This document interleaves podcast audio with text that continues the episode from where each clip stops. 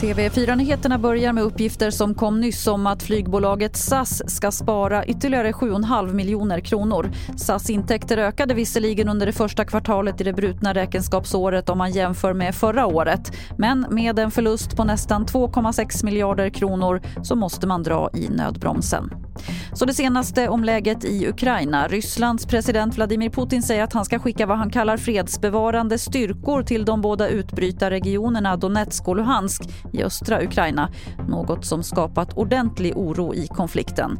Vi har vår reporter Ritva Rönnberg på plats i Lviv i Ukraina. Ja, det här innebär mycket stor osäkerhet om vad som kommer att hända. Nu finns det överhuvudtaget inget eldupphöravtal att hänvisa till. Eh, Ukrainas militär eh, ska komma med någon form av besked här under förmiddagen om hur man ser på utvecklingen.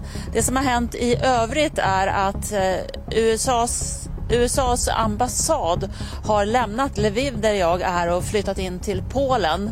Det är alltså USAs ambassad i Ukraina. Det kom också nu besked om att Australiens ambassad har stängt här i Lviv. Eh, så det är en pågående utveckling under dagen. Och mer om Ukraina-krisen finns på tv4.se. Jag heter Lotta Wall.